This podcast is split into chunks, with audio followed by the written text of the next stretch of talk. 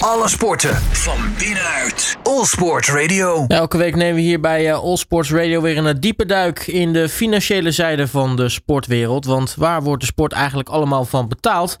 Nou, zoals elke week eh, praat ik erover met iemand die daar ontzettend veel verstand van heeft. Namelijk sportmarketeer Frank van der Wolbaken. Frank, hele goedemiddag.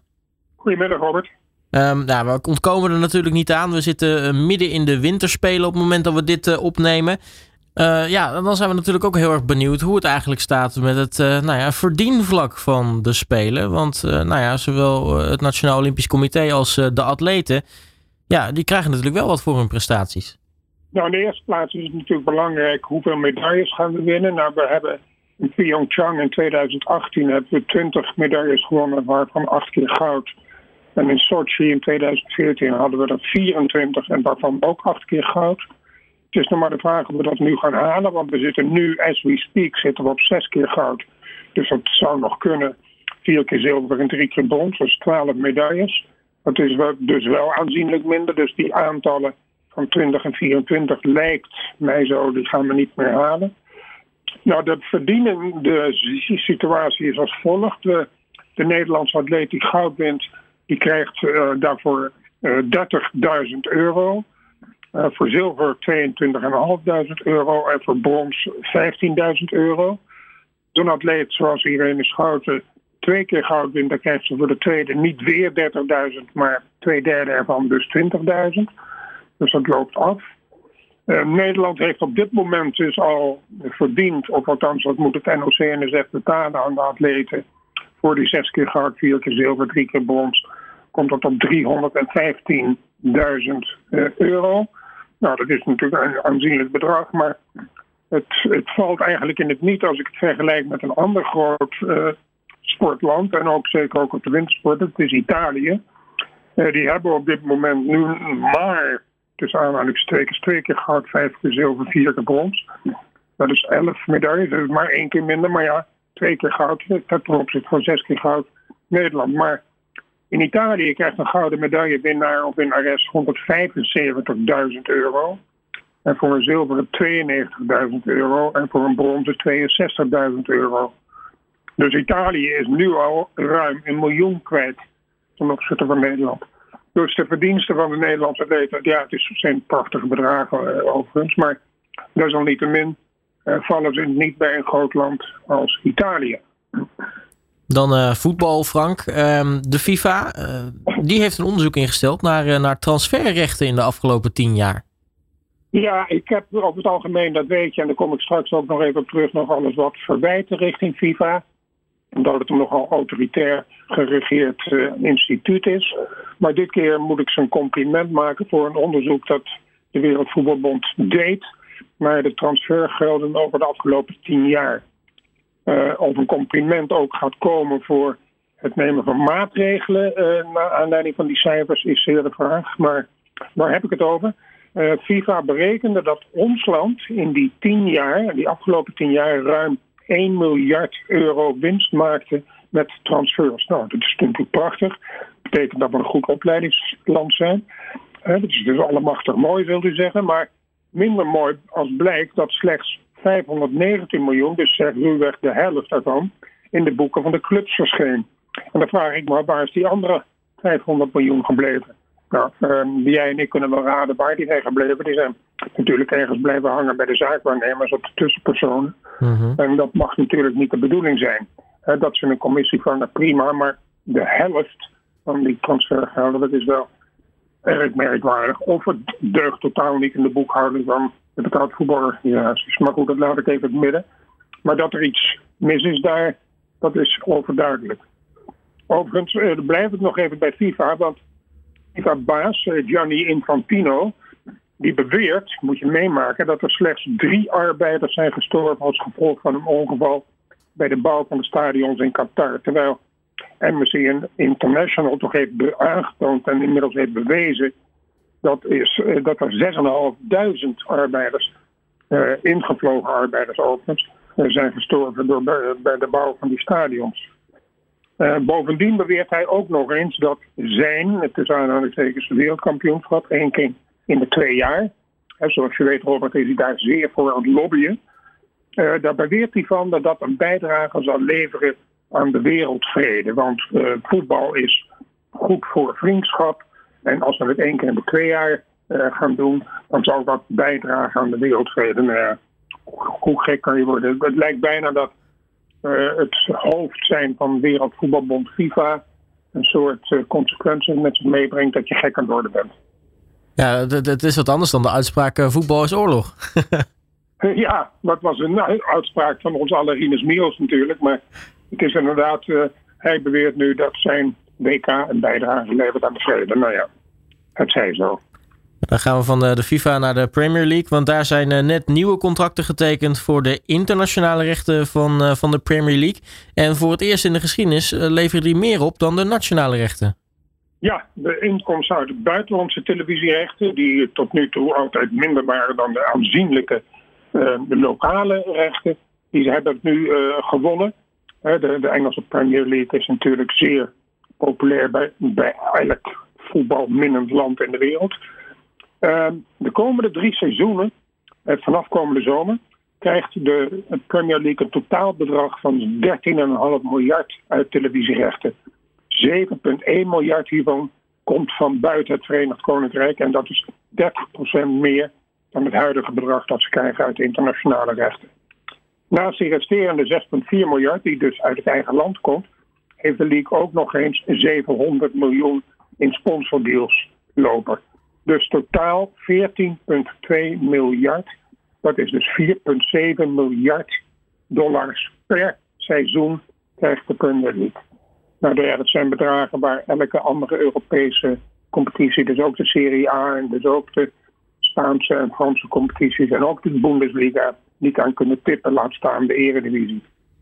Um, hoe dat, wordt dat geld dan verdeeld? Nou ja, dat is op verschillende manieren natuurlijk. Dat gaat ook naar uh, het grassroots uh, voetbal in Engeland. Maar de winnaar van de Premier League kan de komende drie seizoenen een prijs van 230 miljoen euro tegemoet zien.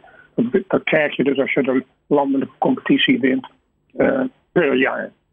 En terwijl de nummer 20 in die league toch ook nog eens een 143 miljoen kan bijschrijven op zijn spaarbankrekening. Ja, dat zijn bedragen die, ja, die zullen alleen maar de verschillen tussen de clubs nog groter maken. En of dat een goede ontwikkeling is, ja, dat vraag ik me af. Maar ja, het is het marktmechanisme. Het wordt ervoor betaald. De Engelse Premier League is buitengewoon populair. En ja, landen zijn bereid daar veel voor te betalen als ze de uitzendrechten hebben. Nu is het, uh, het delen van stadions in Italië uh, best wel populair. Denk aan uh, nou ja, Lazio en AS Roma. Delen natuurlijk het Stadio Olimpico in Rome. We hebben Sampdoria en, en Genoa die samen een, een stadion delen. maar de bekendste duo is natuurlijk AC Milan en Inter. met, met San Siro, of Stade Giuseppe Meazza zoals het eigenlijk officieel heet. Um, die gaat echter uh, ergens een keer uh, in de toekomst, uh, nabije toekomst tegen de vlakte. maar AC Milan en Inter hebben wel in ieder geval overeengekomen dat ze samen een nieuw stadion gaan bouwen. Ja, ze gaan een nieuw stadion bouwen en dat moet klaar zijn in 2027. de beide clubs hebben gekozen voor de naam La Cattedrale. Dat is natuurlijk wel heel erg ja, prachtige naam, vind ik dat eigenlijk. Het is een ontwerp van een architectenbureau Populus uit Milaan. Het nieuwe onderkomen overigens verrijst naast het huidige stadion San Siro, eh, waarbij de clubs hun uh, thuisduels afwerken. Uh, het gaat plaats bieden voor 65.000 toeschouwers. Nou ja, het is wel pikant, het is natuurlijk de huidige nummer 1 en 2 in de Serie A. Dus um, nou, die zijn het overeengekomen, dus dat zal uh, wel interessant gaan worden. Nu uh, hebben we natuurlijk veel verliezen gezien in de voetbalwereld door uh, de coronacrisis. Heel veel betaald voetbalorganisaties die hebben rode cijfers moeten schrijven.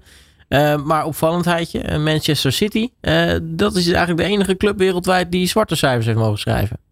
Ja, hoe ze dat hebben gedaan, ja, dat weet ik niet. Ze hebben natuurlijk een enorme interessante geldschieter uit het Midden-Oosten. Maar goed, de ene naar de andere club publiceerde de afgelopen maanden een megaverlies. Allemaal te maken natuurlijk met de coronacrisis.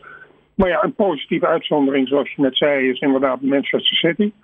De kampioen van Engeland presenteerde over het seizoen 2021 een netto winst van 3 miljoen euro. Nou ja, nou is dat op de totale omzet niet zoveel, maar het is wel een winst en een soorten cijfers. Uh, maar opvallend was de indrukwekkende omzettoename, ondanks dus de, het gebrek aan recettes. En maar de omzettoename van meer dan 100 miljoen. En City kwam nu uit op een omzet van 685 miljoen euro. En dat is een clubrecord. Um, verder stegen natuurlijk de UEFA-inkomsten dankzij het bereiken van de Champions League finale, die ze verloren van Chelsea. Uh, en tevens groeide de commerciële revenue. Uh, het is een opvallende presentatie. Uh, zo verloor Chelsea dat de Champions League won. een bedrag in het afgelopen seizoen van 188 miljoen euro. Dus het is wel opvallend, die grote verschillen in twee topclubs in de Engelse Premier League. Ja, zo kun je dus eigenlijk maar beter tweede worden in de Champions League dan hem winnen. Ja, het kan ook iets te maken hebben natuurlijk met het beleid. Ja, dat, uh, dat uh, lijkt me een logischere, logischere uitleg. Ja. Um, dat is nog wat kort nieuws, uh, Frank. de Atletiek Unie die heeft een meerjarig contract gesloten met de Spar. Ja, dat is erg leuk. Spar bestaat 90 jaar en wil dit vieren via een, onder andere een, bijdrage aan de samenleving. En ze hebben besloten om te trachten met hun power van ja, x aantal miljoenen mensen over de, um, de winkelvloer per week. Uh, om Nederland meer aan het bewegen te brengen. En daardoor hebben ze een contract afgesloten met de Atletiek Unie. Um, en dat is natuurlijk een hele mooie ontwikkeling, want de Atletiek Unie heeft altijd per definitie moeite gehad met het aantrekken van een hoofdsponsor. Omdat het natuurlijk een zeer individualistische sport is en de meeste atletiekbeoefenaren zijn niet lid van de Unie of lid van een vereniging. Maar desalniettemin uh, gaat de atletiek nu zeer nadrukkelijk samenwerken met Spar. Dan gaan ze communiceren via de winkelvloeren naar de mensen om meer te bewegen. En dat kan ik alleen maar toejuichen. En dan uh, wat minder nieuws voor FC Groningen, want uh, hun hoofdsponsor Office Center die schijnt in financieel zwaar water te verkeren. Ja, die schijnt een, een, mede door de coronacrisis, zegt het bedrijf zelf, in liquiditeitsproblemen geraakt te zijn. Uh, terwijl je toch zou denken, met meer thuiswerken zou mensen, meer mensen nodig, benodigdheden hebben voor kantoorartikelen. Maar goed, het sponsorcontract dat loopt tot 2023. dat schijnt niet nagekomen te kunnen worden, althans op dit moment niet. En er is op dit moment al een tekort uit de inkomende gelden die zouden hebben moeten binnenkomen van 1 miljoen euro. En dat kan natuurlijk alleen maar oplopen tenzij natuurlijk FC Groningen in de tussentijd een nieuwe hoofdsponsor kan weten vast te leggen. Maar de club die sowieso toch al niet al te best presteert op dit moment in de eredivisie, eh, kan dit soort problemen denk ik op dit moment niet hebben. Maar het is niet anders. En dan uh, tot slot uh, de Formule 1. Uh, Red Bull die heeft een nieuw contract gesloten met, met Oracle. Die we nou ja, bij de lancering van de nieuwe auto al op de auto hebben zien staan.